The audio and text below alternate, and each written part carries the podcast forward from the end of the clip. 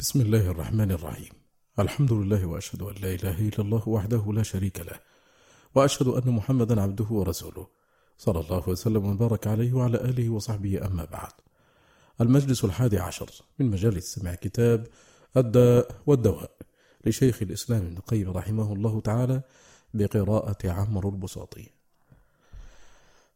يقول رحمه الله فصل والمحبة لها آثار وتوابع ولوازم وأحكام سواء كانت محمودة أو مذمومة نافعة أو ضارة من الذوق والوجد والحلاوة والشوق والأنس والاتصال بالمحبوب والقرب منه والانفصال عنه والبعد منه والصد والهجران والفرح والسرور والبكاء والحزن وغير ذلك من أحكامها ولوازمها. والمحبة المحمودة هي المحبة النافعة التي تجلب لصاحبها ما ينفعه في دنياه وآخرته وهذه المحبة هي عنوان سعادته والضارة هي التي تجلب لصاحبها ما يضره في دنياه وآخرته وهي عنوان شقوته ومعلوم أن الحي العاقل لا يختار محبة ما يضره ويشقيه وإنما يصدر ذلك عن جهل وظلم فإن النفس قد تهوى ما يضرها ولا ينفعها وذلك ظلم من الإنسان لنفسه إما بأن تكون جاهلة بحال محبوبها بأن تهوى الشيء وتحبه غير عالمة بما في محبته من المضرة وهذه حال من اتبع هواه بغير علم وإما عالمة بما في محبته من المضرة لكن تؤثر هواها على علمها وقد تتركب محبتها من أمرين اعتقاد فاسد وهوى مذموم وهذا حال من اتبع الظن وما تهوى الأنفس. فلا تقع المحبة الفاسدة إلا من جهل واعتقاد فاسد أو هوى غالب أو ما تركب من ذلك وأعان بعضه بعضا. فتتفتق شبهة يشتبه بها الحق بالباطل تزين له أمر المحبوب وشهوة تدعوه إلى حصوله فيتساعد جيش الشبهة والشهوة على جيش العقل والإيمان والغلبة لأقواهما. وإذا عرف هذا فتوابع كل نوع من أنواع المحبة له حكم متبوعه. فالمحبة النافعة المحمودة التي هي عنوان سعادة العبد توابعها كلها نافعة له. حكمها حكم متبوعها فإن بكى نفعه وإن حزن نفعه وإن فرح نفعه وإن انقبض نفعه وإن انبسط نفعه. فهو يتقلب في منازل المحبة وأحكامها في مزيد وربح وقوة. والمحبة الضارة المذمومة توابعها وآثارها كلها ضارة لصاحبها مبعدة له من ربه كيفما تقلب في آثارها ونزل في منازلها فهو في خسارة وبعد. وهذا شأن كل فعل تولد عن طاعة ومعصية. فكل ما تولد عن الطاعة فهو زيادة لصاحبه وقربة وكل ما تولد عن المعصية فهو خسران لصاحبه وبعد. قال تعالى ذلك بأنهم لا يصيبهم ظمأ ولا نصب ولا مخمصة في سبيل الله ولا يطؤون موطئا. ولا يطؤون موطئا يغيظ الكفار ولا ينالون من عدو نيلا إلا كتب لهم به عمل صالح. إن الله لا يضيع أجر المحسنين. ولا ينفقون نفقة صغيرة ولا كبيرة ولا يقطعون واديا إلا كتب لهم ليجزيهم الله أحسن ما كانوا يعملون. فأخبر سبحانه في الآية الأولى أن المتولد عن طاعتهم وأفعالهم يكتب لهم به عمل صالح. وأخبر في الثانية أن أعمالهم الصالحة التي باشروها تكتب لهم أنفسها. والفرق بينهما أن الأول ليس من فعلهم وإنما تولد عنه فكتب لهم به عمل صالح. والثاني نفس أفعالهم فكتبت لهم. فليتأمل قتيل المحبة هذا الفصل حق التأمل ليعلم ما له وما عليه. سيعلم يوم العرض أي بضاعة أضاع وعند الوزن ما كان حصلا. فصل. وكما أن المحبة والإرادة أصل كل فعل كما تقدم فهي أصل كل دين سواء كان حقا أو باطلا.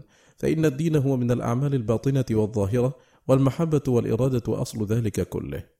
والدين هو الطاعة والعادة والخلق فهو الطاعة اللازمة الدائمة التي صارت خلقا وعادة ولهذا فسر الخلق بالدين في قوله تعالى وإنك لعلى خلق عظيم قال الإمام أحمد عن ابن عيينة قال ابن عباس لعلى دين عظيم وسئلت عائشة عن خلق رسول الله صلى الله عليه وسلم فقالت كان خلقه القرآن والدين فيه معنى الإذلال والقهر وفيه معنى الذل والخضوع والطاعة فلذلك يكون من الأعلى إلى الأسفل كما يقال دنته فدان أي قهرته فذل.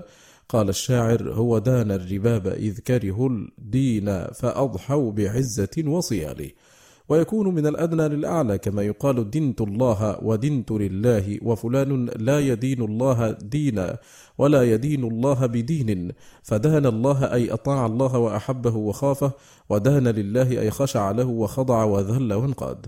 والدين الباطن لا بد فيه من الحب والخضوع كالعبادة سواء. بخلاف الدين الظاهر فإنه لا يستلزم الحب وإن كان فيه انقياد وذل في الظاهر.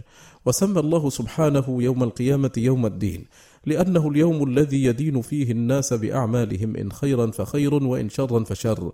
وذلك يتضمن جزاءهم وحسابهم فلذلك فسر بيوم الجزاء ويوم الحساب.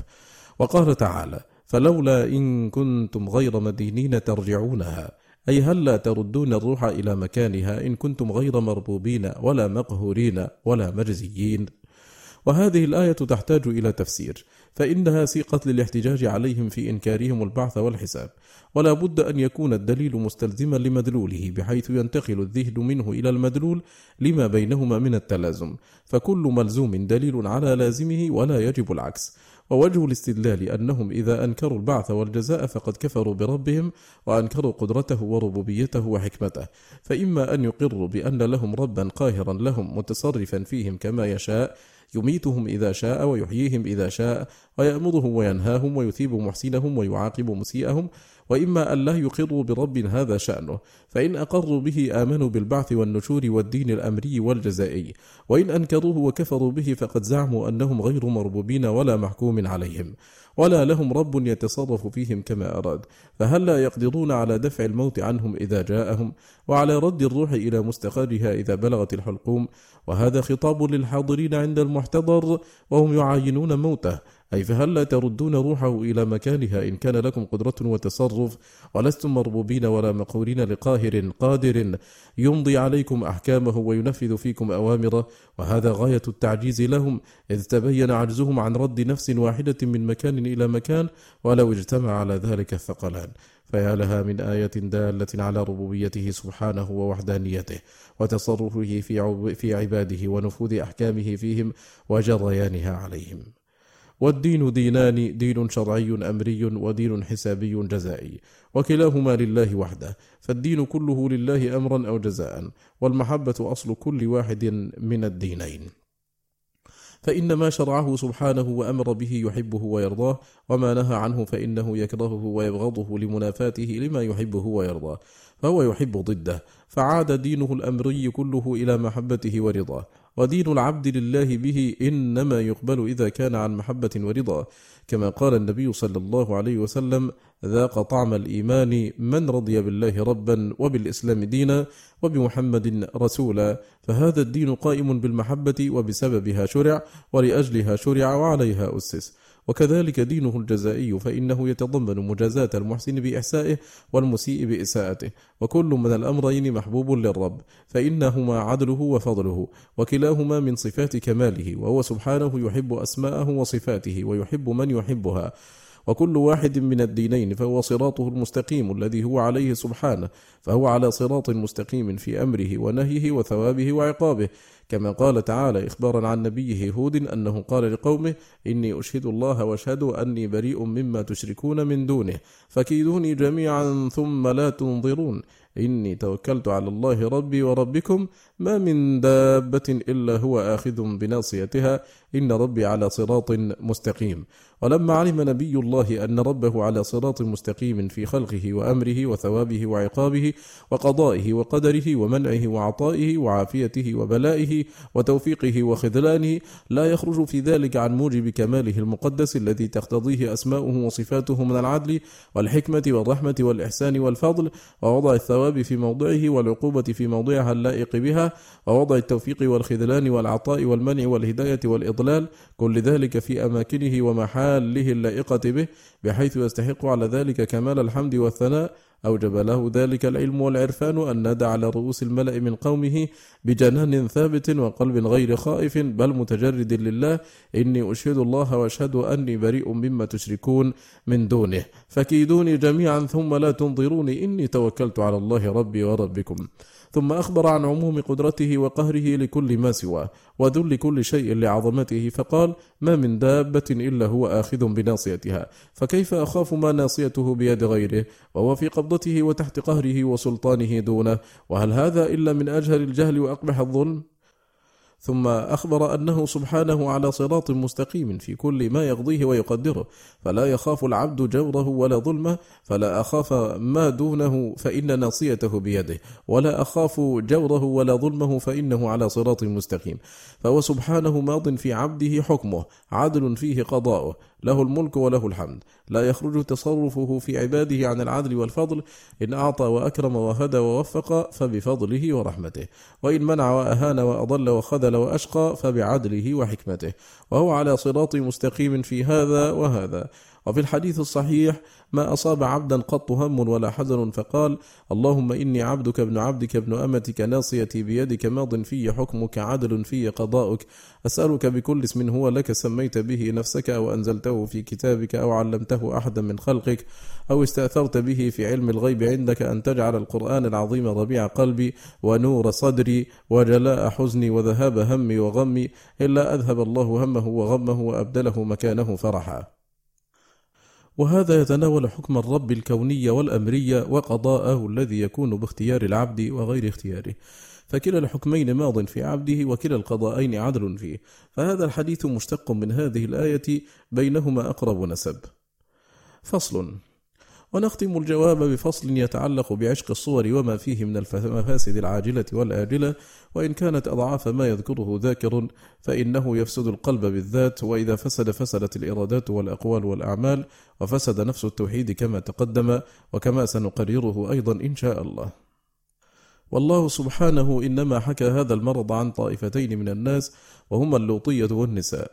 فأخبر عن عشق امرأة العزيز ليوسف وما راودته وكادته به. وأخبر عن الحال التي صار إليها يوسف بصبره وعفته وتقواه مع أن الذي ابتلي به أمر لا يصبر عليه إلا من صبره الله عليه. فإن موافقة الفعل بحسب قوة الداعي وزوال المانع وكان الداعي ها هنا في غاية القوة وذلك من وجوه. أحدها ما ركبه الله سبحانه في طبع الرجل من ميله إلى المرأة كما يميل العطشان إلى الماء والجائع إلى الطعام. حتى إن كثيرا من الناس يصبر عن الطعام والشراب ولا يصبر عن النساء ولا هذا وهذا لا يذم إذا صادف حلا بل يحمد.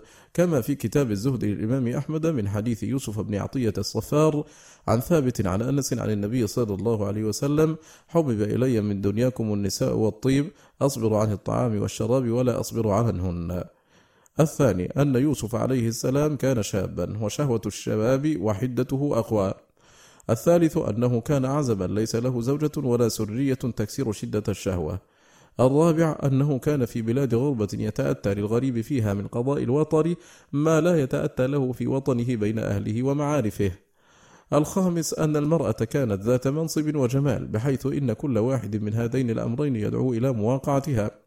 السادس أنها غير ممتنعة ولا آبية فإن كثيرا من الناس يزيل رغبته في المرأة إباؤها وامتناعها لما يجد في نفسه من ذل الخضوع والسؤال لها وكثير من الناس يزيده الإباء والامتناع إرادة وحبا كما قال الشاعر وزادني كلفا في الحب أن منعت أحب شيء إلى الإنسان ما منع.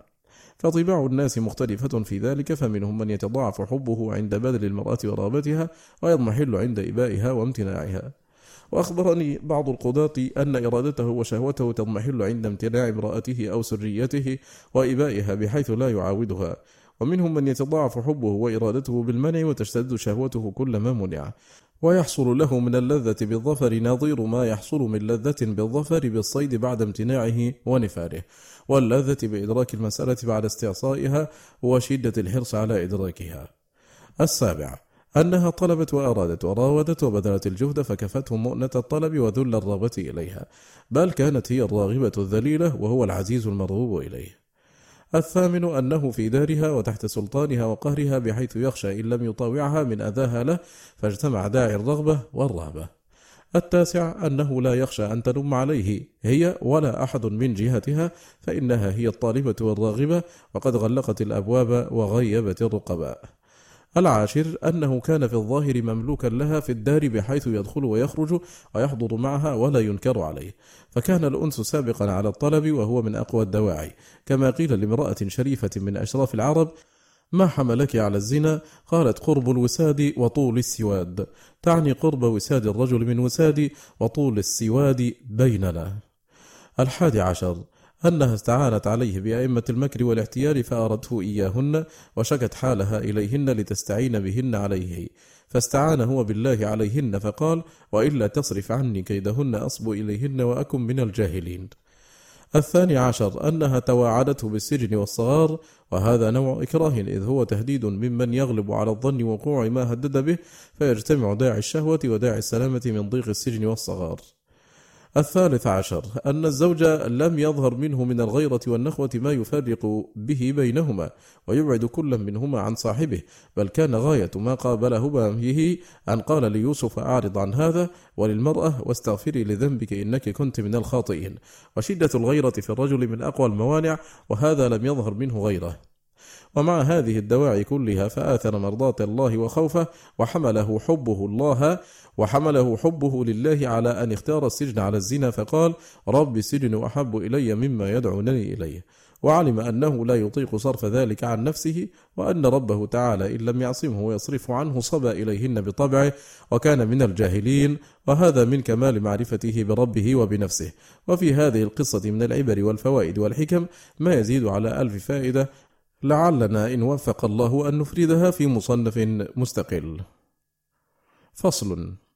والطائفة الثانية الذين حكى عنهم العشق هم اللوطية كما قال تعالى وجاء أهل المدينة يستبشرون قال إن هؤلاء ضيفي فلا تفضحون واتقوا الله ولا تخزون قالوا أولم ننهك عن العالمين؟ قال هؤلاء بناتي إن كنتم فاعلين لعمرك إنهم لفي سكرتهم يعمهون فهذه عاشقت فحكاه سبحانه عن طائفتين عشق كل منهما ما حرم عليه من الصور ولم يبال بما في عشقه من الضرر.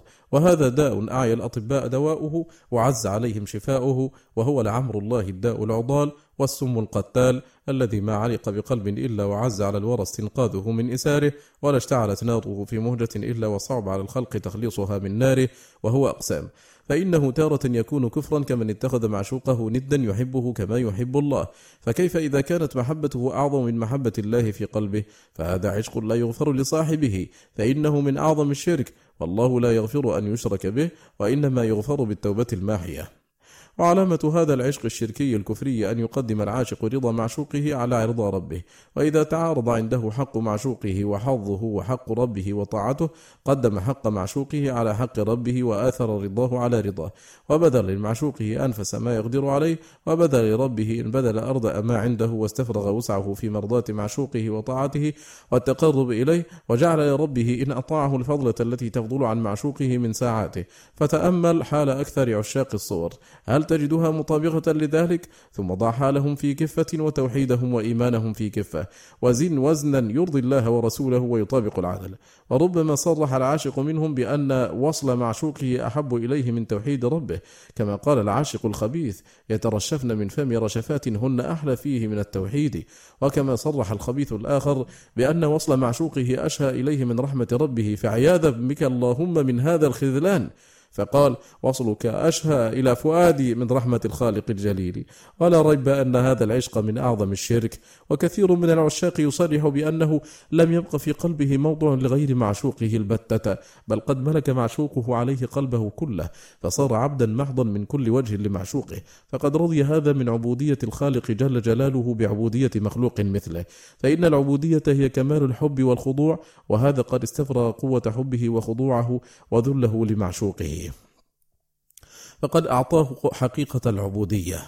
ولا نسبة بين مفسدة هذا الأمر العظيم ومفسدة الفاحشة فإن تلك ذنب كبير لفاعله حكم أمثاله ومفسدة هذا العشق مفسدة الشرك. وكان بعض الشيوخ من العارفين يقول لأن أبتلى بالفاحشة مع تلك الصورة أحب إلي من أن أبتلى فيها بعشق يتعبد لها قلبي ويشغله عن الله.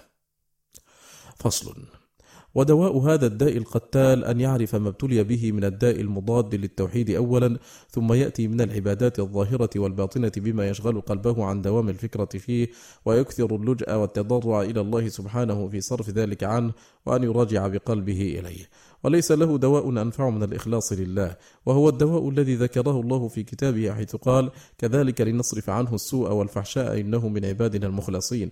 فأخبر سبحانه أنه صرف عنه السوء من العشق والفحشاء من الفعل بإخلاصه فإن القلب إذا خلص وأخلص عمله لله لم يتمكن منه عشق الصور فإنه إنما يتمكن من قلب فارغ كما قال فصادف قلبا خاليا فتمكنا. وليعلم العاقل أن العقل والشرع يوجبان تحصيل المصالح وتكميلها وإعدام المفاسد وتقليلها. فإذا عرض للعاقل أمر يرى فيه مصلحة ومفسدة وجب عليه أمران أمر علمي وأمر عملي. فالعلمي طلب معرفة الراجح من طرفي المصلحة والمفسدة فإذا تبين له الرجحان وجب عليه إيثار الأصلح له. ومن المعلوم أنه ليس في عشق الصور مصلحة دينية ولا دنيوية بل مفسدته الدينية والدنيوية أضعاف أضعاف ما يقدر فيه من المصلحة وذلك من وجوه. أحدها الاشتغال بحب المخلوق وذكره عن حب الرب تعالى وذكره. فلا يجتمع في القلب هذا وهذا إلا ويقهر أحدهما صاحبه ويكون السلطان والغلبة له. الثاني عذاب قلبه بمعشوقه فإن من أحب شيئا غير الله عذب به ولا بد. فما في الأرض أشقى من محب وإن وجد الهوى حلو المذاق. تراه باكيا في كل حين مخافة فرقة أو الاشتياق. فيبكي إن ناءوا شوقا إليهم ويبكي إن دنوا حذر الفراق. فتسخن عينه عند الفراق وتسخن عينه عند التلاقي والعشق وإن استعذبه العاشق فهو من أعظم عذاب القلب. الثالث أن العاشق قلبه أسير في قبضة معشوقه يصومه الهوان ولكن لسكرة العشق لا يشعر بمصابه فقلبه كعصفورة في كف طفل يسومها حياض الردى والطفل يلهو ويلعب. فعيش العاشق عيش الأسير الموثق وعيش الخلي عيش المسيب المطلق. فالعاشق كما قيل طريق برأي العين وهو أسير عليل على قطب الهلاك يدور وميت يرى في صورة الحي غاديا. وليس له حتى النشور نشور. أخو غمرات ضاع فيهن قلبه فليس له حتى الممات حضور. الرابع أنه يشتغل به عن مصالح دينه ودنياه. فليس شيء أضيع لمصالح الدين والدنيا من عشق الصور. أما مصالح الدين فإنها منوطة بلم شعث القلب وإقباله على الله وعشق الصور أعظم شيء تشعيثا وتشتيتا له. وأما مصالح الدنيا فهي تابعة في الحقيقة لمصالح الدين فمن انفرطت عليه مصالح دينه وضاعت عليه فمصالح دنياه أضيع وأضيع. الخامس أن آفات الدنيا والآخرة أسرع إلى عشاق الصور من النار في يابس الحطب. وسبب ذلك أن القلب كلما قرب من العشق وقوي اتصاله به بعد من الله. فأبعد القلوب من الله قلوب عشاق الصور. وإذا بعد القلب من الله طرقته الآفات من كل ناحية. فإن الشيطان يتولاه ومن تولاه عدوه واستولى عليه لم يأله وبالا. ولم يدع أذى يمكنه إيصاله إليه إلا أوصله. فما الظن بقلب تمكن منه عدوه وأحرص الخلق على غيه وفساده. وبعد منه وليه ومن لا سعادة له ولا فلاح ولا سرور إلا بقربه وولايته. السادس أنه إذا تمكن من القلب واستحكم وقوي سلطانه أفسد الذهن وأحدث الوسواس. وربما التحق صاحبه بالمجانين الذين فسدت عقولهم فلا ينتفعون بها. وأخبار العشاق في ذلك موجودة في مواضعها بل بعضها مشاهد بالعيان. وأشرف ما في الإنسان عقله وبه يتميز عن سائر الحيوان. فإذا عدم عقله التحق بالحيوان البهيم بل ربما كان حال الحيوان أصلح من حاله. وهل هذا عقل مجنون ليلى وأضرابه إلى العشق؟ وربما زاد جنونه على جنون غيره كما قيل. قالوا جننت بمن تهوى فقلت لهم العشق أعظم مما بالمجانين. العشق لا يستفيق الدهر صاحبه وإنما يصرع المجنون في الحين. السابعة أنه ربما أفسد الحواس أو بعضها إما فسادا معنويا أو صوريا. أما الفساد المعنوي فهو تابع لفساد القلب فإن القلب إذا فسد فسدت العين والأذن واللسان. فيرى القبيح حسنا منه ومن معشوقه كما في المسند مرفوعا حبك للشيء يعمي ويصم. فهو يعمي عين القلب عن رؤية مساوي المحبوب وعيوبه فلا ترى العين ذلك ويصم أذنه عن الإصغاء إلى العدل فيه فلا تسمع الأذن ذلك. والرغبات تستر العيوب فالراغب في الشيء لا يرى عيوبه حتى إذا زالت رغبته فيه أبصر عيوبه. فشدة الرغبة غشاوة على العين تمنع من رؤية الشيء على ما هو به. كما قيل هويتك إذ عيني عليها غشاوة فلما انجلت قطعت نفسي ألومها. والداخل في الشيء لا يرى عيوبه والخارج منه الذي لم يدخل فيه لا يرى عيوبه ولا يرى عيوبه إلا من دخل فيه ثم خرج منه.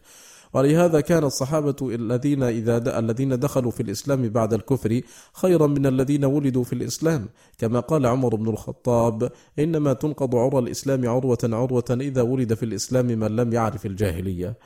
وأما إفساده للحواس ظاهرا فإنه يمرض البدن وينهكه وربما أدى إلى تلفه كما هو معروف في أخبار من قتلهم العشق. وقد رفع إلى ابن عباس رضي الله عنهما وهو بعرفة شاب قد انتحل حتى عاد عظما بلا لحم. فقال ما شأن هذا؟ قالوا به العشق. فجعل ابن عباس يستعيذ بالله من العشق عامة يومه. الثامن أن العشق كما تقدم هو الإفراط في المحبة بحيث يستولي المعشوق على قلب العاشق حتى لا يخلو من تخيله وذكره والفكر فيه. بحيث لا يغيب عن خاطره وذهنه. فعند ذلك تشتغل النفس عن استخدام القوى الحيوانية والنفسانية فتتعطل تلك القوى فيحدث بتعطلها من الآفات على البدن والروح ما يعز دواؤه أو يتعذر فتتغير أفعاله وصفاته ومقاصده ويختل جميع ذلك فيعجز البشر عن صلاحه. كما قيل الحب أول ما يكون لجاجة تأتي به وتسوقه الأقدار حتى إذا خاض الفتى لجج الهوى جاءت أمور لا تطاق كبار. والعشق مبادئه سهلة حلوة وأوسطه هم وشغل قلب وسقم وآخره عطب وقتل إن لم يتداركه عناية من الله كما قيل وعش خاليا فالحب أوله عنا وأوسطه سقم وآخره قتل. وقال آخر تولع بالعشق حتى عشق فلما استقل به لم ينطق رأى لجة ظنها موجة فلما تمكن منها غرق. والذنب له فهو الجاني على نفسه وقد قال تحت المثل السائر يداك أو كتا وفوك نفخ. فصل. والعاشق له ثلاث مقامات مقام ابتداء ومقام توسط ومقام انتهاء. فأما مقام ابتدائه فالواجب عليه فيه مدافعته بكل ما يقدر عليه إذا كان الوصول إلى معشوقه متعذرا قدرا أو شرعا. فإن عجز عن ذلك وأبى قلبه إلا السفر إلى محبوبه وهذا مقام التوسط والانتهاء فعليه كتمان ذلك وألا يفشيه إلى الخلق ولا يشبب بمحبوبه ويهتكه بين الناس. فيجمع بين الشرك والظلم. فإن الظلم في هذا الباب من أعظم أنواع الظلم. وربما كان أعظم ضررا على المعشوق وأهله من ظلمه في ماله. فإنه يعرض المعشوق بتهتكه في عشقه إلى وقوع الناس فيه وانقسامهم إلى مصدق ومكذب وأكثر الناس يصدق في هذا الباب بأدنى شبهة. وإذا قيل فلان فعل بفلان أو فلانة كذبه كذبه واحد وصدقه تسعمائة وتسعة وتسعون. وخبر العاشق المتهتك عند الناس في هذا الباب يفيد القطع اليقيني بل إذا أخبرهم المفعول به عن نفسه كذبا وافتراء على غيره جزموا بصدقه جزما لا يحتمل النقيض. بل لو جمعهما مكان واحد اتفاقا جزموا أن ذلك عن وعد واتفاق بينهما. وجزمهم في هذا الباب على الظنون والتخيل والشبه والأوهام والأخبار الكاذبة كجزمهم بالحسيات المشاهدة. وبذلك وقعوا أهل الإفك في الطيبة المطيبة حبيبة رسول الله صلى الله عليه وسلم المبرأة من فوق سبع سماوات بشبهة مجيء صفوان بن المعطل بها وحده خلف العسكر حتى هلك من هلك. ولولا أن تولى الله سبحانه براءتها والذب عنها وتكذيب قاذفها وإلا كان أمرا آخر. والمقصود أن في إظهار المبتلى عشق من لا يحل له الاتصال به من ظلمه وأذاه ما هو عدوان عليه وعلى أهله وتعريض لتصديق كثير من الناس ظنونهم فيه. فإن استعان عليه بمن يستميله إليه إما برغبة أو رهبة تعدى الظلم وانتشر وصار ذلك الواسطة ديوثا ظالما. وإذا كان النبي صلى الله عليه وسلم قد لعن الرائش وهو الواسطة بين الراشي والمرتشي في إيصال الرشوة فما الظن بالديوث الواسطة بين العاشق والمعشوق في الوصلة المحرمة؟ فيتساعد العاشق والديوث على ظلم المعشوق وظلم غيره ممن يتوقف حصول غرضهما على ظلمه في نفس أو مال أو عرض. فإنه كثيرا ما يتوقف المطلوب فيه على قتل نفس تكون حياتها مانعة من غرضه. فكم من قتيل طل دمه بهذا السبب من زوج وسيد وقريب وكم خببت امرأة على بعلها وجارية وعبد على سيدهما. وقد لعن رسول الله صلى الله عليه وسلم من فعل ذلك وتبرأ منه وهو من أكبر الكبائر.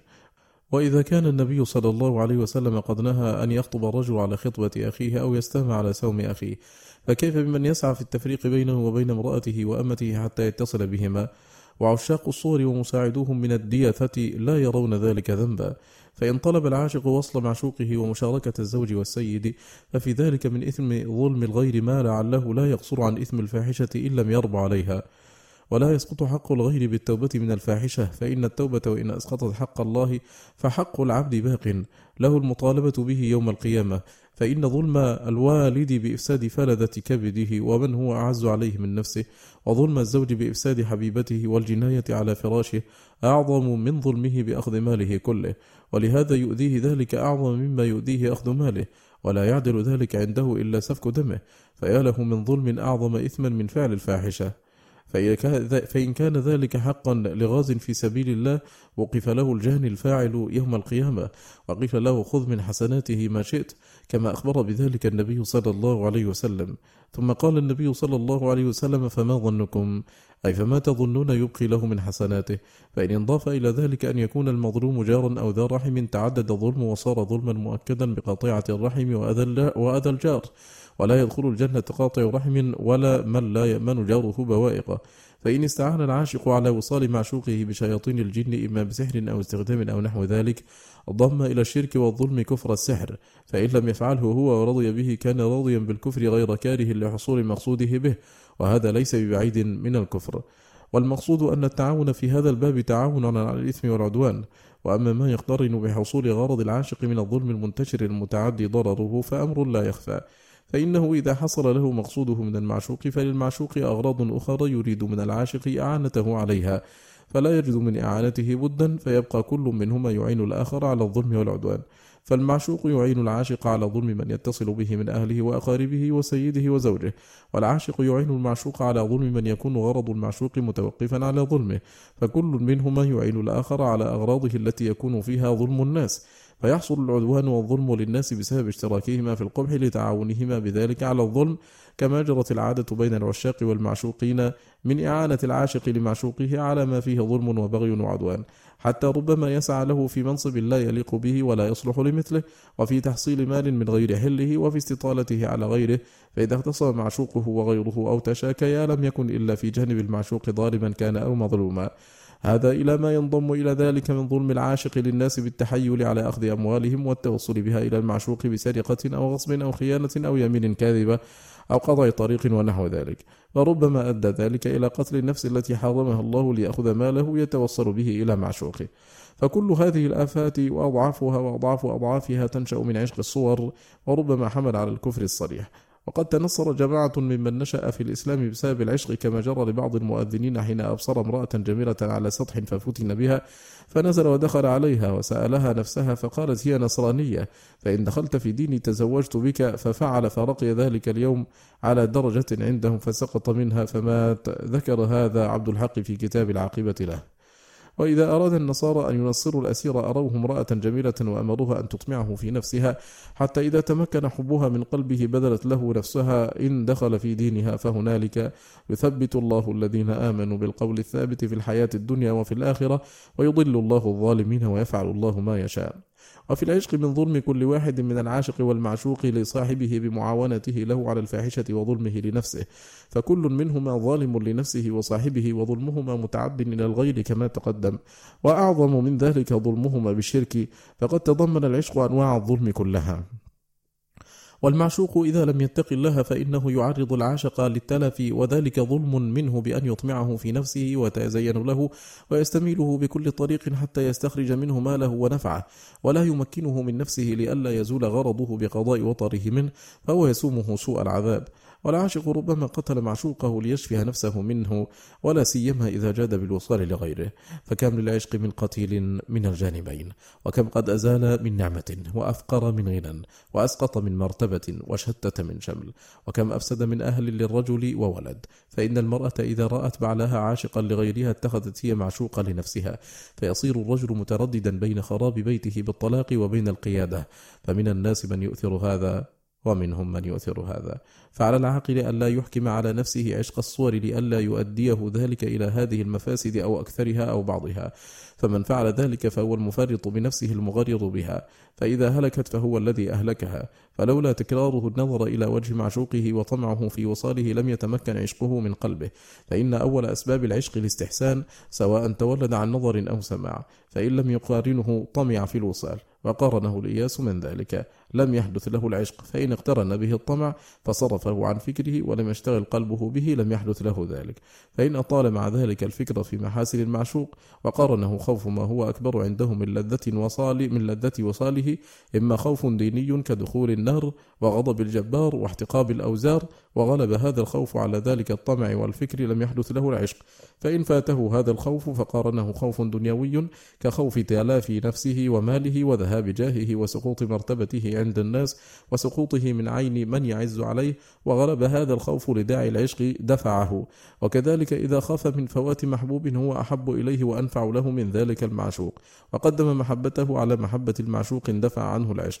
فإن انتفى ذلك كله أو غلبت محبة المعشوق لذلك انجذب إليه القلب بكليته ومالت إليه النفس كل الميل. فإن قيل قد ذكرتم آفات العشق ومضاره ومفاسده فهل ذكرتم منافعه وفوائده التي من جملتها رقة الطبع وترويح النفس وخفتها وزوال ثقلها ورياضتها وحملها على مكارم الأخلاق من الشجاعة والكرم والمروءة ورقة الحاشية ولطف الجانب.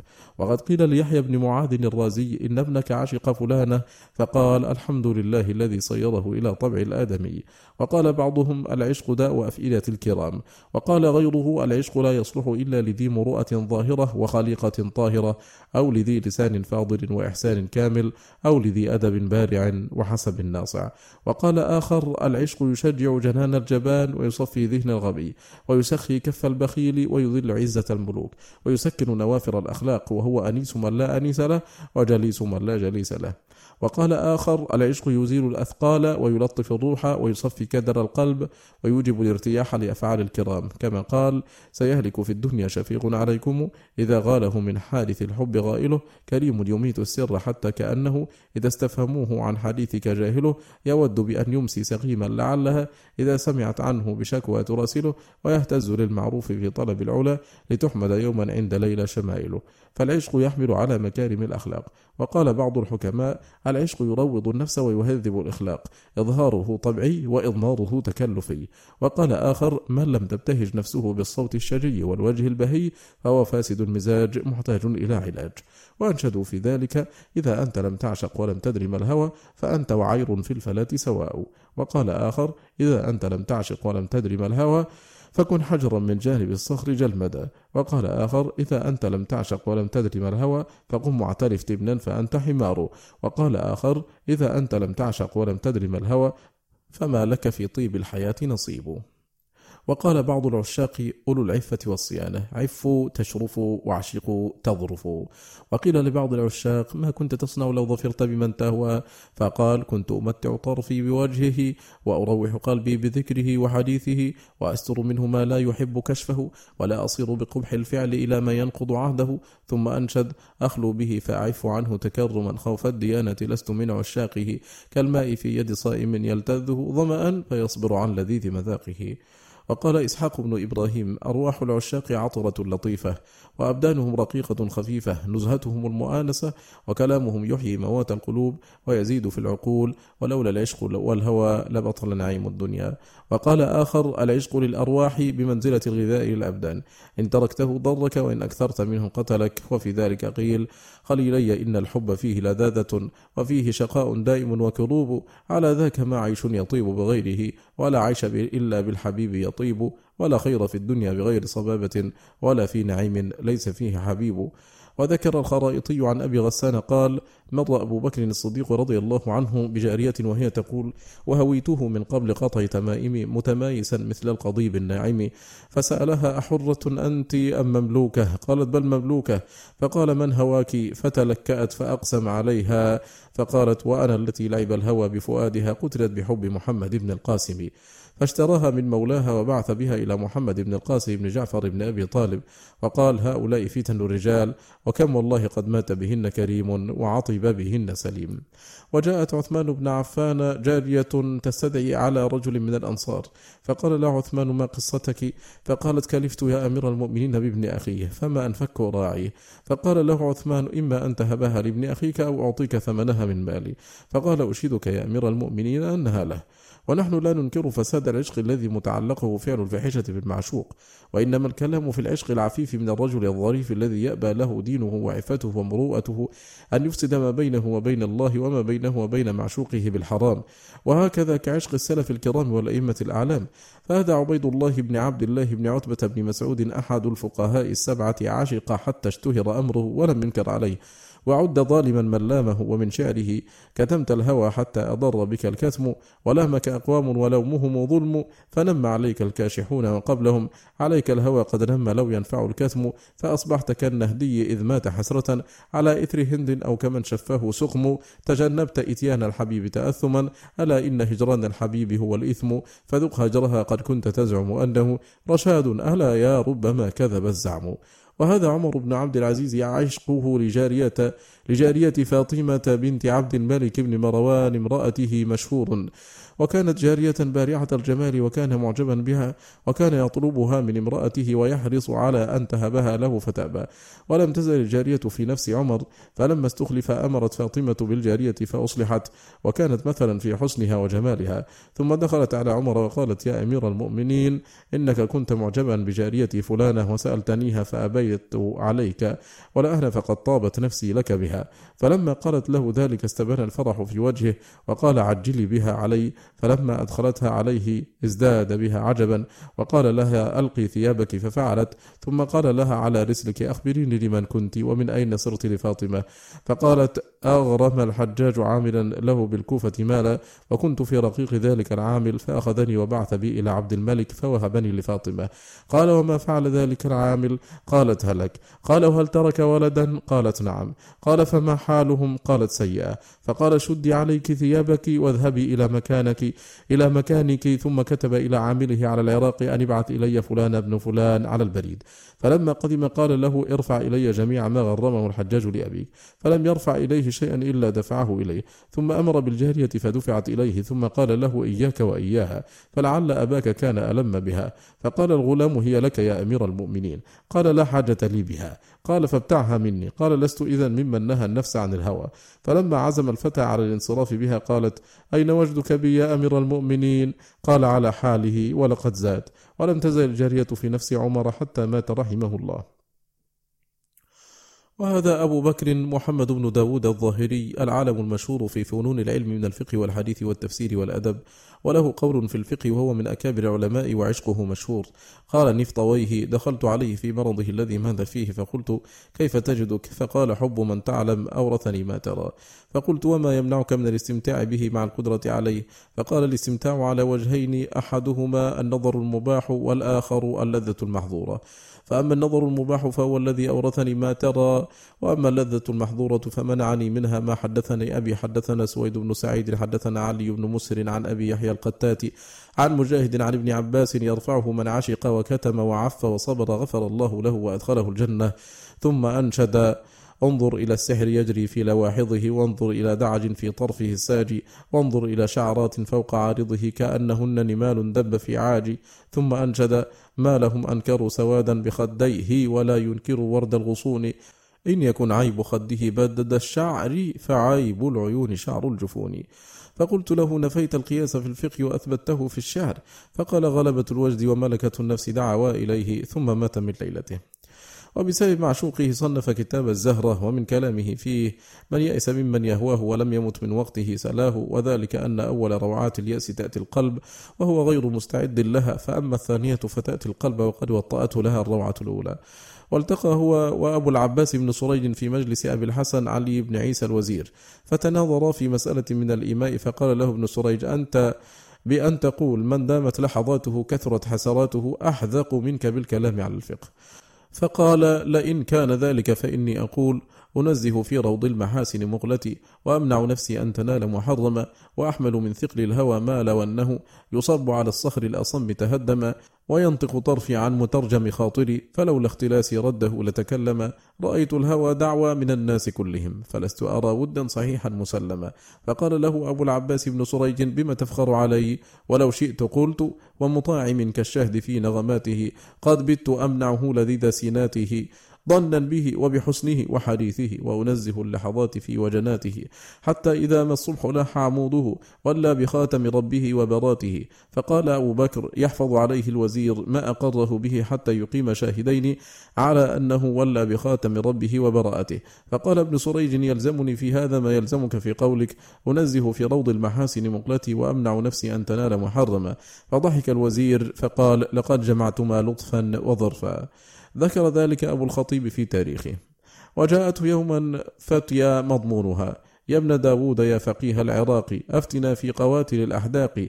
هل عليها بما أتت من جناحي؟ أم حلال لها دم العشاق؟ فكتب الجواب تحت البيتين بخطه. عندي جواب مسائل العشاق. فاسمعه من قرح الحشا مشتاق. لما سألت عن الهوى هيجتني. وأرقت دمعا لم يكن بمراقي. إن كان معشوق يعذب عاشقا كان المعذب أنعم العشاق. قال صاحب كتاب منازل الأحباب شهاب الدين محمود بن سلمان بن فهد صاحب الإنشاء. وقلت في جواب البيتين على وزنهما مجيبا للسائل قل لمن جاء سائلا عن لحاظي هن يلعبن في دم العشاق ما على السيف في الورى من جناح إن ثنى الحد عن دم مهراق وسيوف اللحاظ أولى بأن تصفح عما جنت على العشاق. إنما كل من قتلن شهيد ولهذا يفنى ضنا وهو باقي. ونظير ذلك فتوى وردت على الشيخ أبي الخطاب محفوظ بن أحمد الكلوذاني شيخ الحنابلة في وقته. قل للإمام أبي الخطاب مسألة جاءت إليك وما خلق سواك لها. ماذا على رجل رام الصلاة فمذ لاحت لخاطره ذات الجمال لها؟ فأجابه تحت سؤاله قل للأديب الذي وافى بمسألة سرت فؤادي لما أن أصخت لها إن الذي فتنته عن عبادته خريدة ذات حسن فانثنى ولها إن تاب ثم قضى عنه عبادته فرحمة الله تغشى من عصى ولها. وقال عبد الله بن معمر القيسي حججت سنة ثم دخلت مسجد المدينة لزيارة قبر رسول الله صلى الله عليه وسلم. فبين أنا جالس ذات ليلة بين القبر والمنبر إذ سمعت أنينا فأصغيت إليه فإذا هو يقول أشجاك نوح حمائم السدر فأهجن منك بلابل الصدر. أم عز نومك ذكر غانية؟ أهدت إليك وساوس الفكر. يا ليلة طالت على دنف يشكو السهاد وقلة الصبر. أسلمت من يهوى لحر جوى متوقد كتوقد الجمر فالبدر يشهد أنني كلف مغرا بحب شبيهة البدر. ما كنت أحسبني أهيم بها حتى بليت وكنت لا أدري. ثم انقطع الصوت فلم أدر من أين جاء. وإذا به قد أعاد البكاء والأنين ثم أنشد. أشجاك من ريا خيال زائر. والليل مسود الذوائب عاكر واعتاد مهجة كالهوى برسيسه واهتاج مقلة كالخيال الزائر. ناديت ريا والظلام كأنه يم تلاطم فيه موج ذاخر والبدر يسري في السماء كأنه ملك ترجل والنجوم عساكر. وترى به الجوزاء ترقص في الدجى رقص الحبيب علاه سكر ظاهر. يا ليل طلت على محب ما له إلا الصباح مساعد ومؤازر. فأجابني متحت فأنفك وأعلما أن الهوى لهو الهوان الحاضر. قال وكنت ذهبت عند ابتدائه بالأبيات فلم ينتهي إلا وأنا عنده. فرأيت شابا مقتبلا شبابه قد خرق الدمع في خده خرقين. فسلمت عليه فقال اجلس من أنت؟ فقلت عبد الله بن معمر القيسي. قال ألك حاجة؟ قلت نعم. كنت جالسا في الروضة فما راعني؟ إلا صوتك فبنفسي أفديك فما الذي تجدك؟ فما الذي تجد؟ فقال أنا عتبة بن الحواب بن المنذر بن الجموح الأنصاري. غدوت يوما إلى مسجد الأحساب فصليت فيه ثم اعتزلت غير بعيد. فإذا بنسوة قد أقبلن يتهادين مثل القطا وفي وسطهن جارية بديعة الجمال كاملة الملاحة. فوقفت علي وقالت يا عتبة ما تقول في وصل من يطلب وصلك؟ ثم تركتني وذهبت. فلم أسمع لها خبرا ولا خفوت لها أثرا وأنا حيران أنتقل من مكان إلى مكان. ثم صرخ وأكب وأكب مغشيا عليه. ثم أفاق كأنما صبغت وجنتاه بورس. ثم أنشأ يقول أراكم بقلبي من بلاد بعيدة.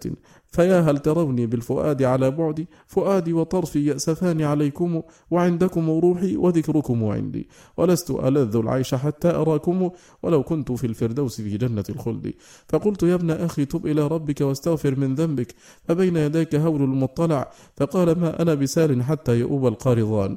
ولم أزل معه إلى أن طلع الصبح. فقلت قم بنا إلى مسجد الأحزاب. فلعل الله أن يكشف كربتك. قال أرجو ذاك إن شاء الله ببركة طلعتك.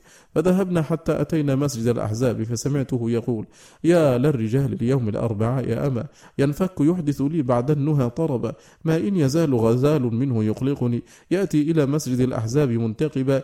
يخبر الناس أن الأجر همته وما أتى طالبا للأجر محتسبا. لو كان يبغي ثوابا ما أتى صالفا مضمخا بفتيت المسك مختضبا. ثم جلسنا حتى صلينا الظهر فإذا بالنسوة قد أقبلن وليست الجارية فيهن. فوقفنا عليه وقلنا له يا عتبة ما ظنك بطالبة وصلك وكاسفة بالك؟ قال وما بالها؟ قلنا أخذها أبوها وارتحل بها إلى أرض السماوة فسألتهن عن الجارية فقلن هي ري ابنة الغطريف السلمي فرفع عتبة رأسه إليهن وقال خليلي ري قد أجد بكورها وسارت إلى أرض السماوة عيرها خليلي إني قد عشيت من البكاء فهل عند غيري مقلة أستعيرها؟ فقلت له إني قد وردت بمال جزيل أريد به أهل الستر ووالله لأبذلنه أمامك حتى تبلغ رضاك وفوق الرضا فقم بنا إلى مسجد الأنصار. فقمنا وسرنا حتى أشرفنا على ملأ منهم. فسلمت فأحسنوا الرد. فقلت أيها الملأ ما تقولون في عتبة وأبيه؟ قالوا من سادات العرب. فقلت إنه قد رمي بداهية من الهوى وما أريد منكم إلا المساعدة إلى السماوة. فقالوا سمعا وطاعة. فركبنا وركب القوم معنا حتى أشرفنا على منازل بني سليم. فأعلم الغطريف منها فخرج مبادر فاستقبلنا وقال حييتم بالإكرام فقلنا وأنت فحياك الله إنا لك أضياف فقال نزلت بأكرم منزل فنادى يا معشر العبيد أنزلوا القوم ففرشت الأنطاع والنمارق وذبحت الذبائح فقلنا لسنا بذائقي طعامك حتى تقضي حاجتنا. فقال وما حاجتكم؟ قلنا نخطب عقيلتك الكريمة لعتبة بن الحباب بن المنذر. فقال إن التي تخطبونها أمرها إلى نفسها وأنا أدخل أخبرها. ثم دخل مغضبا على ابنته فقالت يا أبت ما لي أرى الغضب في وجهك؟ فقال قد ورد الأنصار يخطبونك مني. قالت سادة كرام استغفر لهم النبي صلى الله عليه وسلم فلمن الخطبة منهم؟ قال لعتبة بن الحباب. قالت والله لقد سمعت عن عتبة هذا أنه يفي بما وعد ويدرك إذا قصد. فقال أقسمت لا زوجتك به أبدا ولقد نما إلي بعض حديثك معه. فقالت ما كان ذلك ولكن إذ أقسمت فإن الأنصار لا يردون ردا قبيحا فأحسن لهم الرد. فقال بأي شيء؟ قالت أغلظ لهم المهر فإنهم يرجعون ولا يجيبون. فقال ما أحسن ما قلت. ثم خرج مبادرا فقال إن فتاة الحي قد أجابت ولكني أريد لها مهر مثلها فمن القائم به؟ فقال عبد الله بن معمر أنا. فقل ما شئت. فقال ألف مثقال من الذهب ومائة ثوب من الأبراد وخمسة أكرشة عنبر. فقال عبد الله لك ذلك. فهل أجبت؟ قال نعم. قال عبد الله فأنفذت نفرا من الأنصار إلى المدينة فأتوا بجميع ما طلب. ثم صنعت الوليمة وأقمنا على ذلك أياما. ثم قال خذوا فتاتكم وانصرفوا مصاحبين. ثم حملها في هودج وجهزها بثلاثين راحلة من المتاع والتحف فودعناه وسرنا. حتى إذا بقي بيننا وبين المدينة مرحلة واحدة خرجت علينا خيل تريد الغارة. أحسبها من سليم. فحمل عليها عتبة بن الحباب فقتل منهم رجالا وجدل آخرين. ثم رجع به وبه طعنة تفور دما فسقط إلى الأرض. وأتتنا نجدة فطردت عنا الخيل وقد قضى عتبة نحبه. فقلنا وعتبتاه فسمعتنا الجارية فألقت نفسها عن البعيد وجعلت تصيح بحرقة وأنشدت تصبرت لا أني صبرت وإنما أعلل نفسي أنها بك لاحقة فلو أنصفت روحي لكانت إلى الردى. أمامك من دون البرية سابقة فما أحد بعدي وبعدك منصف خليلا ولا نفس لنفس موافقة. ثم شهقت وقضت نحبها فاحتفرنا لهما قبرا واحدا ودفناهما فيه. ثم رجعت فأقمت سبع سنين ثم ذهبت إلى الحجاز. ووردت المدينة فقلت والله لآتين قبر عتبة أزوره. فأتيت القبر فإذا عليه شجرة عليها عصائب حمر وصفر. فقلت لأرباب المنزل ما يقال لهذه الشجرة؟ قالوا شجرة العروسين. ولو لم يكن في العشق من الرخصة المخالفة للتشديد إلى الحديث الوارد بالحسن من الأسانيد وهو حديث سويد بن سعيد عن علي بن مسر عن أبي يحيى القتات عن مجاهد عن ابن عباس يرفعه من عشق وعف وكتم فمات فهو شهيد. ورواه سويد أيضا عن ابن مسهر عن هشام بن عروة عن أبيه عن عائشة مرفوعا. ورواه الخطيب عن الأزهري عن المعافى بن زكريا عن قطبة بن الفضل عن أحمد بن مسروق عنه. ورواه الزبير بن بكار عن عبد العزيز الماجشون عن عبد العزيز بن أبي حازم عن أبي عن ابن أبي نجيح عن مجاهد عن ابن عباس. وهذا سيد الأولين والآخرين ورسول رب العالمين. نظر إلى زينب بنت جحش فقال سبحان مقلب القلوب. وكانت تحت زيد بن حارثة مولى. فلما هم بطلاقها قال له اتق الله وأمسك عليك زوجك. فلما طلقها زوجها الله سبحانه من رسوله من فوق سبع سماوات. فكان هو وليها وولي تزويجها من رسوله. وعقد عقد نكاحها فوق عرشه. وأنزل على رسوله وإذ تقول للذي أنعم الله عليه وأنعمت عليه أمسك عليك زوجك واتق الله وتخفي في نفسك ما الله مبديه وتخشى الناس والله أحق أن تخشاه وهذا داود نبي الله. لما كان تحته تسع وتسعون امرأة ثم أحب تلك المرأة فتزوجها وكمل بها المئة. وقال الزهري أول حب كان في الإسلام حب النبي صلى الله عليه وسلم عائشة وكان مسروق يسميها حبيبة رسول رب العالمين. وقال أبو قيس مولى عبد الله بن عمرو أرسلني عبد الله بن عمرو إلى أم سلمة أسألها أكان النبي صلى الله عليه وسلم يقبل وهو صائم؟ فقالت لا. فقال إن عائشة قالت كان النبي صلى الله عليه وسلم يقبلها وهو صائم. فقالت أم سلمة إن النبي صلى الله عليه وسلم كان إذا رأى عائشة لا يتمالك عنها. وذكر سعد بن إبراهيم عن عامر بن سعد عن أبيه قال كان إبراهيم خليل الله صلى الله عليه وسلم يزور هاجر في كل يوم من الشام على البراق من شغفه بها وقلة صبره عنها. وذكر الخرائطي أن عبد الله بن عمر اشترى جارية رومية فكان يحبها حبا شديدا فوقعت ذات يوم عن بغلة له فجعل يمسح التراب عن وجهها ويفديها وكانت تكثر أن تقول له يا بطرون أنت قالون تعني يا مولاي أنت جيد. ثم إنها هربت منه فوجد عليها وجدا شديدا وقال قد كنت أحسبني قالون فانصرفت فاليوم أعلم أني غير قالوني قال أبو محمد بن حزم وقد أحب من الخلفاء الراشدين والأئمة المهديين كثير. وقال رجل لعمر بن الخطاب يا أمير المؤمنين رأيت امرأة فعشقتها فقال ذاك ما لا تملك فالجواب وبالله التوفيق. أن الكلام في هذا الباب لا بد فيه من التمييز بين الواقع والجائز والنافع والضار ولا يسجل عليه بالذم والإنكار ولا بالمدح والقبول من حيث الجملة. وإنما يتبين حكمه وينكشف أمره بذكر متعلقه وإلا فالعشق من حيث هو لا يحمد ولا يذم. ونحن نذكر النافع من الحب والضار والجائز والحرام. اعلم أن أنفع المحبة على الإطلاق وأوجبها وأعلاها وأجلها محبة من جبلت القلوب على محبته وفطرت الخليقة على تألهه وبها قامت الأرض والسماوات وعليها فطر المخلوقات. ويسر شهادة أن لا إله إلا الله.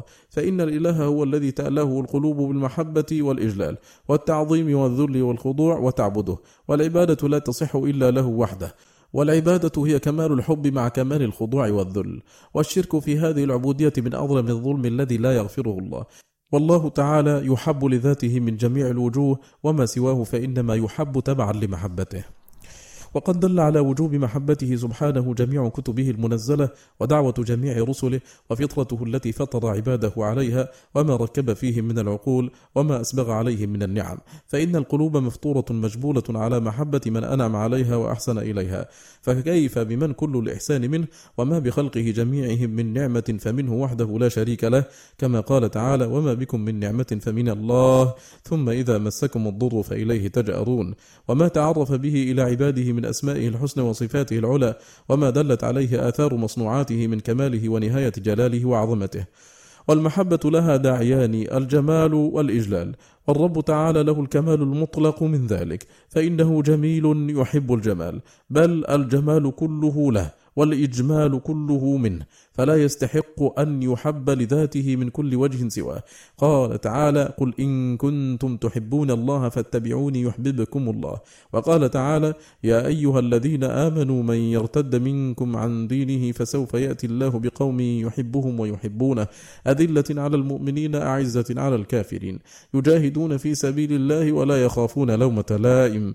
ذلك فضل الله يؤتيه من يشاء والله واسع عليم. إنما وليكم الله ورسوله ورسوله والذين آمنوا الذين يقيمون الصلاة ويؤتون الزكاة وهم راكعون. ومن يتولى الله ورسوله والذين آمنوا فإن حزب الله هم الغالبون. والولاية أصلها الحب فلا موالاة إلا بحب. كما أن العداوة أصلها البغض والله ولي الذين آمنوا وهم أولياؤه فهم يوالونه بمحبتهم له وهو يواليهم بمحبته لهم. فالله يوالي عبده بحسب محبته له. ولهذا أنكر سبحانه على من اتخذ من دونه أولياء بخلاف من والى أولياءه فإنه لم يتخذهم من دونه بل موالاته لهم من تمام موالاته. وقد أنكر على من سوى بينه وبين غيره في المحبة. وأخبر أن من فعل ذلك فقد اتخذ من دونه أندادا يحبهم كحب الله. والذين آمنوا أشد حبا لله. وأخبر عمن سوى بينه وبين الأنداد في الحب أنهم يقولون في النار لمعبوديهم تالله إن كنا لفي ضلال مبين إذ نسويكم برب العالمين. وبهذا التوحيد في الحب أرسل الله سبحانه جميع رسله وأنزل جميع كتبه وأطبقت عليه دعوة الرسل من أولهم إلى آخرهم ولأجله خلق السماوات والأرض والجنة والنار فجعل الجنة لأهله والنار للمشركين به فيه. وقد أقسم النبي صلى الله عليه وسلم أنه لا يؤمن عبد حتى يكون هو أحب إليه من ولده ووالده والناس أجمعين. فكيف بمحبة الرب جل جلاله؟ وقال لعمر بن الخطاب لا حتى أكون أحب إليك من نفسك. أي لا تؤمن حتى تصل محبتك لي إلى هذه الغاية. وإذا كان النبي صلى الله عليه وسلم أولى بنا من أنفسنا في المحبة ولوازمها أفليس الرب جل جلاله وتقدست أسماؤه وتبارك اسمه وتعالى جده ولا إله غيره أولى بمحبيه وعباده من أنفسهم؟ وكل ما منه إلى عبده المؤمن يدعوه إلى محبته مما يحب العبد أو يكره. فعطاؤه ومنعه ومعافاته وابتلاؤه وقبضه وبسطه وعدله وفضله وإماتته وإحياؤه ولطفه وبره ورحمته وإحسانه وستره وعفوه وحلمه وصبره على عبده وإجابته لدعائه وكشف كربه وإغاثة لافته وتفريج كربته من غير حاجة منه إليه بل مع غناه التام عنه من جميع الوجوه. كل ذلك داع للقلوب إلى تألهه ومحبته. بل تمكينه عبده من معصيته وإعانته عليه وستره حتى يقضي وطره منها وكلاءته وحراسته له وهو يقضي وطره من معصيته بعينه ويستعين عليها بنعمه من أقوى الدواعي إلى محبته. فلو أن مخلوقا فعل بمخلوق أدنى شيء من ذلك لم يملك قلبه عن محبته. فكيف لا يحب العبد بكل قلبه وجوارحه من يحسن إليه على الدوام بعزل الأنفاس مع إساءته؟ فخيره إليه نازل وشره إليه صاعد. يتحبب إليه بنعمه وهو غني عنه والعبد يتبغض إليه بالمعاصي وهو فقير إليه. فلا إحسانه وبره وإنعامه عليه يصده عن معصيته ولا معصية العبد ولؤمه يقطع إحسان ربه عنه. فألأم اللؤم تخلف القلوب عن محبة من هذا شأنه وتعلقها بمحبة سواه. وأيضا فكل من تحبه من الخلق ويحبك إنما يريدك لنفسه وغرضه منك. الله سبحانه وتعالى يريدك لك كما في الأثر الإلهي. عبدي كل يريدك لنفسه وأنا أريدك لك. فكيف لا يستحي العبد أن يكون ربه له بهذه المنزلة وهو معرض عنه؟ مشغول بحب غيره قد استغرق قلبه محبة سواه. وأيضا فكل من تعامله من الخلق إن لم يربح عليك لم يعاملك ولا بد له. من نوع من أنواع الربح. والرب تبارك وتعالى إنما يعاملك لتربح أنت عليه أعظم الربح وأعلاه. فالدرهم بعشرة أمثاله إلى سبعمائة ضعف إلى أضعاف كثيرة والسيئة بواحدة وهي أسرع شيء محوى وأيضا فهو سبحانه خلقك لنفسه وخلق كل شيء لك في الدنيا والآخرة. فمن أولى منه باستفراغ الوسع في محبته وبذل الجهد في مرضاته. وأيضا فمطالبك بل مطالب الخلق كلهم جميعا لديه وهو أجود الأجودين وأكرم الأكرمين. وأعطى عبده قبل أن يسأله فوق ما يؤمله يشكر القليل من العمل وينميه ويغفر الكثير من الزلل ويمحوه. يسأله من في السماوات والأرض كل يوم هو في شأن. لا يشغله سمع عن سمع ولا يغلطه كثرة المسائل ولا يتبرم بإلحاح الملحين. بل يحب الملحين في الدعاء ويحب أن يسأل ويغضب إذا لم يسأل. يستحيي من عبده حيث لا يستحيي العبد منه ويستره حيث لا يستر نفسه ويرحمه حيث لا يرحم نفسه. دعاه بنعمه وإحسانه وأياديه إلى كرامته ورضوانه فأبى. فأرسل رسله في طلبه وبعث إليهم معهم عهده. ثم نزل سبحانه إليه بنفسه وقال من يسألني فأعطيه من يستغفرني فأغفر له. أدعوك للوصل تأبى أبعث رسولي في الطلب. أنزل إليك بنفسي ألقاك في النوام. وكيف لا تحب القلوب من لا يأتي بالحسنات إلا هو ولا يذهب بالسيئات إلا هو ولا يجيب الدعوات إلا هو ولا يقيل العثرات ويغفر الخطيئات ويستر العورات ويكشف الكربات ويغيث اللهفات وينوي الطلبات سواه. فهو أحق من ذكر وأحق من شكر وأحق من عبد وأحق من حمد. وأنصر من ابتغي وأرأف من ملك وأجود من سئل. وأوسع من أعطى وأرحم من استرحم وأكرم من قصد. وأعز من التجئ إليه وأكفى من توكل عليه.